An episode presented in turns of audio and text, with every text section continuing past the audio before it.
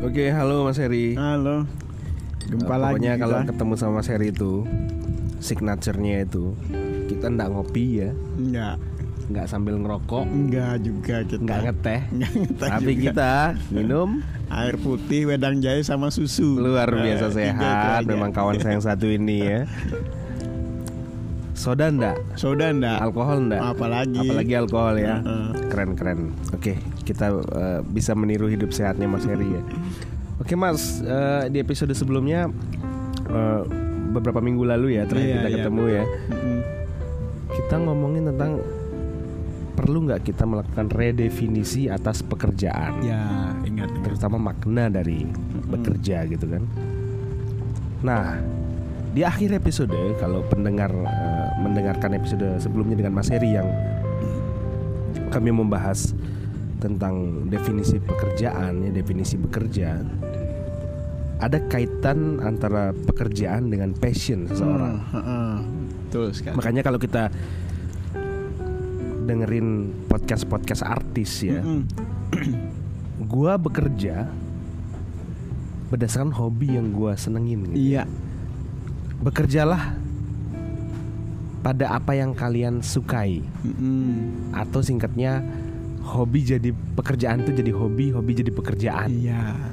Nah, passion itu ini menarik nih kita ulik-ulik Mm-mm. Eh, Mas Heri kalau melihat passion apakah sama dengan mainstream umum yang mengatakan bekerja itu harus sesuai dengan passion kalau nggak sesuai dengan passion pasti unhappy nggak happy Iya, iya, iya, iya, iya. Gini, ini yang kita tanyakan lagi, dia bekerjanya sebagai apa? Apakah dia bekerja sendiri? Apa tuh dia mau bekerja sama yang lain? Kalau dia bekerja sama yang lain, kita sebut dia mau bekerja di salah satu perusahaan besar ataupun perusahaan kecil.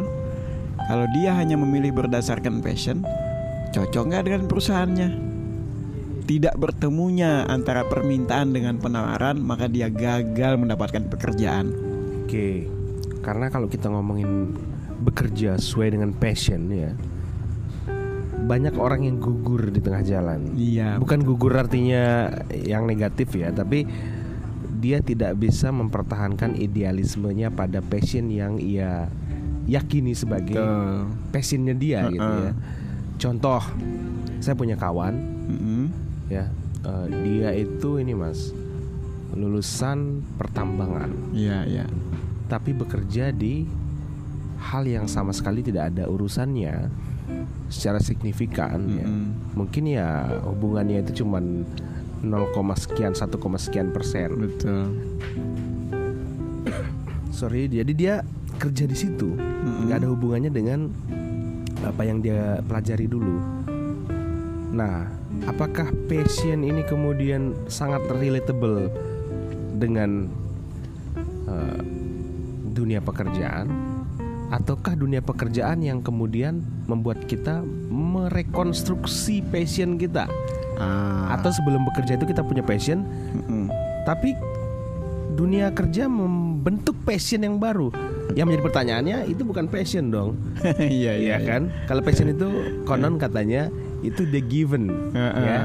Dia bersifat na- eh, natural, Iya, alamiah, terberi gitu ya. Iya. Tuhan yang memberi gitu dari lahir, bukan lahir gitu. Piye kalau gitu Mas Bro? Ah. Gini dalam dunia perusahaan, Anda tidak bisa selalu mengutamakan passion dalam melakukan Hmm, satu oke. kegiatan. Kecuali Anda bekerja sendiri, Hmm. menjadi self employer. Hmm, hmm. Nah, jadi pekerjaan itu ada employer, ada self employer. Atau ini sebentar ya. self employed itu apakah sama dengan the owner of business sebagai CEO Ah, atau berbeda? beda beda. Hmm. Jadi ada employer, bahkan CEO pun adalah seorang employer. Hmm. Dia bekerja. Oke. Presiden sekalipun bekerja. Presiden bekerja, bukan pemilik bangsa. Hmm, ya, Dia ya. bekerja. Misalnya saya punya perusahaan, perusahaan semen. Berarti dalam konteks perusahaan itu, Mm-mm. saya adalah employee. Nah, ketika kita memiliki perusahaan, namanya kita business owner. Oh. Walaupun kita bekerja di situ, tapi kita business owner. Kita Tapi pemilik bisnis. terikat oleh regulasi. Regulasi kalau kita bisnis ownernya bisa kita ubah sesuai Hmm. passion kita. Oke. Tapi ketika Anda menjadi employer, Anda nggak bisa ngubah gaya manajemen. Anda nggak bisa milih-milih pekerjaan yang sesuai passion. Pertanyaannya kembali, Anda siapa bisa menentukan? Saya hanya melakukan yang saya inginkan sesuai passion. Oke. Anda siapa? Gitu. Kalau sebelumnya itu kita bicarain soal ini ya mas, Eh, penting nggak sih kita meredefinisi makna pekerjaan, Mm-mm. makna bekerja, kerja kerja Iya, kerja. Iya. Nah sekarang pertanyaan yang sama, perlu nggak kita meredefinisi passion itu? Mm-mm. Kalau tadi misalnya orang akan kemudian menjadi sangat naif, Iya. dia idealis, meyakini bahwa itu passionnya dan dia kemudian bersedia menganggur bertahun-tahun, kemudian baru dapat kerja, Mm-mm. dia melihat ada yang tidak sesuai dengan passion dia, Iya. dia cabut, itu kan malah justru merugikan kan. Betul. Nah, kita ngomongin ini aja mas, Eh, perlu nggak meredefinisi makna passion itu? perlu saya setuju itu. Kita perlu redefinisi passion itu. Passion itu menurut saya kita tumbuh kembangkan ketika kita sudah mulai melakukan tanggung jawab atas pekerjaan itu. Di situlah kita mulai tumbuhkan passion kita. Jadi bukan passion yang dulu baru memilih pekerjaan apabila kita passion dulu baru memilih pekerjaan zaman sudah nggak kayak dulu lagi kawan zaman udah Oke. berubah Iya iya. anda mau jadi siapa di di, di zaman ini? Gitu. Oke, renjana ya kalau bahasa Iya. Indonesia ya passion itu renjana. Oke, eh, mungkin eh, perlu yang diredefinisi itu adalah pada tataran foundationalnya ya. Mm, betul betul. Apakah kita mempakemkan passion ini pada suatu kondisi yang terberi, Mm-mm.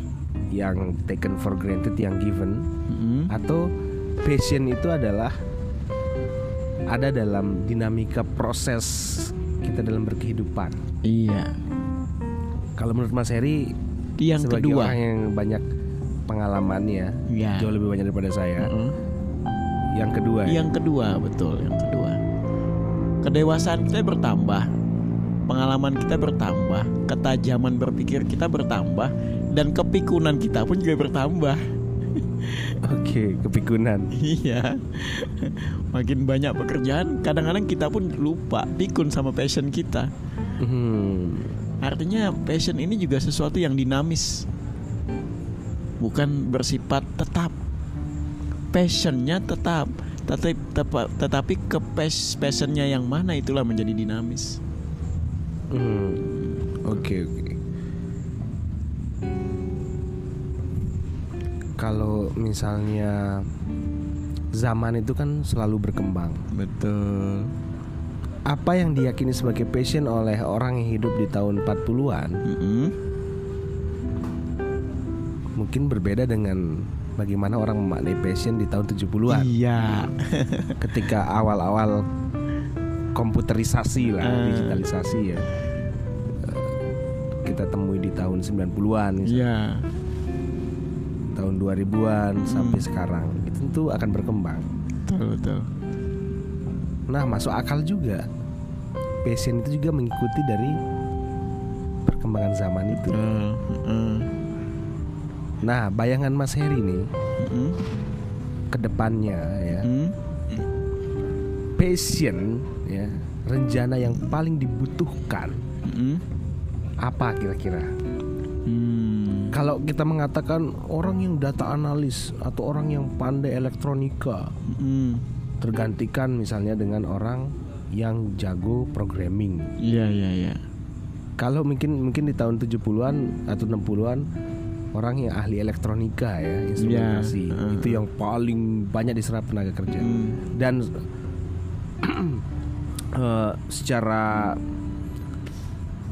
gagap Mm-mm. masyarakat mulai beralih kemudian menganggap bahwa passionku adalah kom, eh, tek, eh, apa elektronisasi gitu. Heeh, heeh. itu kan sudah bentuk pengakomodasian passion terhadap tuntutan zaman kan. Betul, betul. Jadi make sense teman-teman ya. Jadi saya juga setuju dengan pendapat Mas Heri tadi Iya. bahwa passion itu nggak ajak, Betul. dia berkembang. berkembang dinamis. Atau, atau mungkin gini Mas, Mm, passion itu kita menyebut sesuatu itu adalah passion ketika kita bisa menghayatinya betul. dan menjalaninya dan memahami apa dampak dari passion yang kita yakini itu. Ya. Teman-teman dalam dunia usaha tuh sering mengatakan kalau kamu sudah masuk di kerjaan itu dan itulah yang paling realistis saat ini kamu kerjakan. Meskipun kamu tidak menginginkannya, maka belajarlah menyukainya. Jikapun kamu tuh juga tidak bisa menyukainya, maka abaikan rasa suka atau tidak suka pada pekerjaan. Kamu tumbuhkan sukamu kepa- kepada yang lain tanpa meninggalkan pekerjaan. Oke, jadi kita dituntut untuk dinamis ya. Iya, betul sekali. Manusia itu tidak pernah berhenti memahami, gitu kan? Iya. Karena itu adalah faktisitas kita. Mm-mm. Kita terlempar dalam sejarah dan kita dipaksa untuk memahami Mm-mm. apa pun yang kita hadapi dalam keterlemparan itu kalau kata Heidegger ya. Iya. Dalam dunia kerja pun memahami passion itu apa itu selalu bertransformasi Mm, sesuai dengan eh, ragam pertemuan kita dengan berbagai macam horizon itu. betul betul. Kalau kata Gadamer seperti itu ya. Iya. Iya. Kalau kita melawannya, kita sedang nyakiti diri sendiri. Bahkan pekerjaan yang kita lakukan pun menjadi tidak nyaman. Uang sudah dicapai, tapi kok jadi nggak nyaman mengerjakan yang ada. Mhm, ya ya. Karena kita pengen yang kita kerjakan sesuai passion. Pada titik itu menjadi tidak realistis lagi. Tuh. Oke, benar-benar.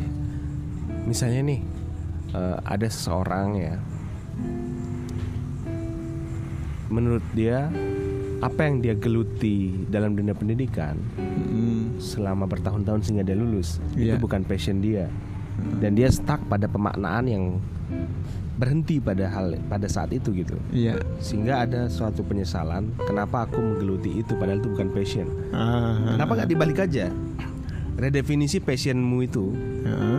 bahwa oke itu mungkin kekeliruan kekeliruanku dalam memahami passion Iya. ya Heeh. diredefinisi sehingga dia bisa engage dengan uh, tuntutan pekerjaan yang linear dengan apa yang ditempuh Betul. dengan pemaknaan Heeh. ulang itu kita harus mengambil pemaknaan yang membuat kita produktif. Karena tanpa produktivitas berarti kita nggak bekerja. oke Jadi jangan pakai pemaknaan yang membuat kita menjadi bego kalau bahasa teman saya itu. jadi bego gitu jadi ya. bego. Memaknai yang membuat kita jadi bego tuh nggak produktif. Dan hubungannya dengan bekerja kita nggak produktif berarti kita nggak menghasilkan sesuatu apa pun.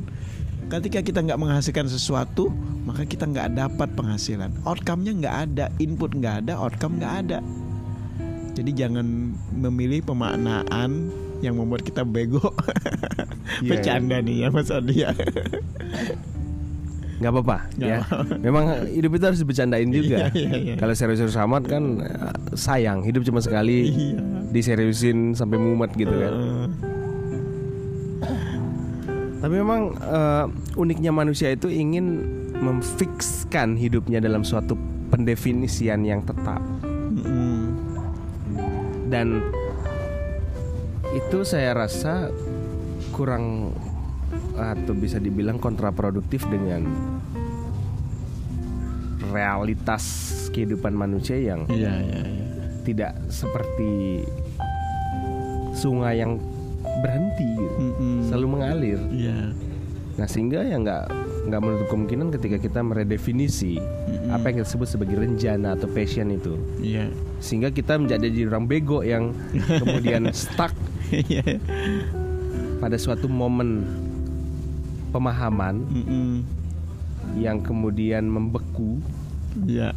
Yang membeku itu apa? Yaitu definisi kita tentang passion itu harus A Iya. dan seolah-olah apa yang kita temui di dalam zaman yang selalu berkembang itu harus menyesuaikan dengan passion kita yang A itu. Iya, betul. Jangan jadi jangan memaksakan realitas itu harus selalu sesuai dengan apa yang ada dalam kehendak passion kita. Ketika kita menghubungkan dengan pekerjaan, ingat kita bekerja menghasilkan sesuatu buat yang lain. Bukan hanya buat kita. Passion itu kan buat kita. Buat orang lain belum tentu diterima passionnya kita. Berarti itu egois namanya ya. Iya. Kalau kita memaksakan bahwa aku bekerja sesuai passion, sedangkan ada orang yang harus kita hidupi. Betul. Anak istri ya. Eh, bekerja kan menghasilkan sesuatu yang sesuatu itu diterima oleh orang lain dan dibayar. Nah kita bekerja sesuai passion nggak masalah. Tapi ketika output dari pekerjaan sesuai passion nggak ada yang mau beli, mau jadi apa? Oke, berarti ini nalar pragmatis itu harus ditenggak sesuai dosis ya. Iya Oke, itu kita bahas di episode berikutnya ya. Iya iya iya. Pragmatisme dan pekerjaan. Sejauh mana pragmatisme itu make sense bagi pekerjaan. Betul.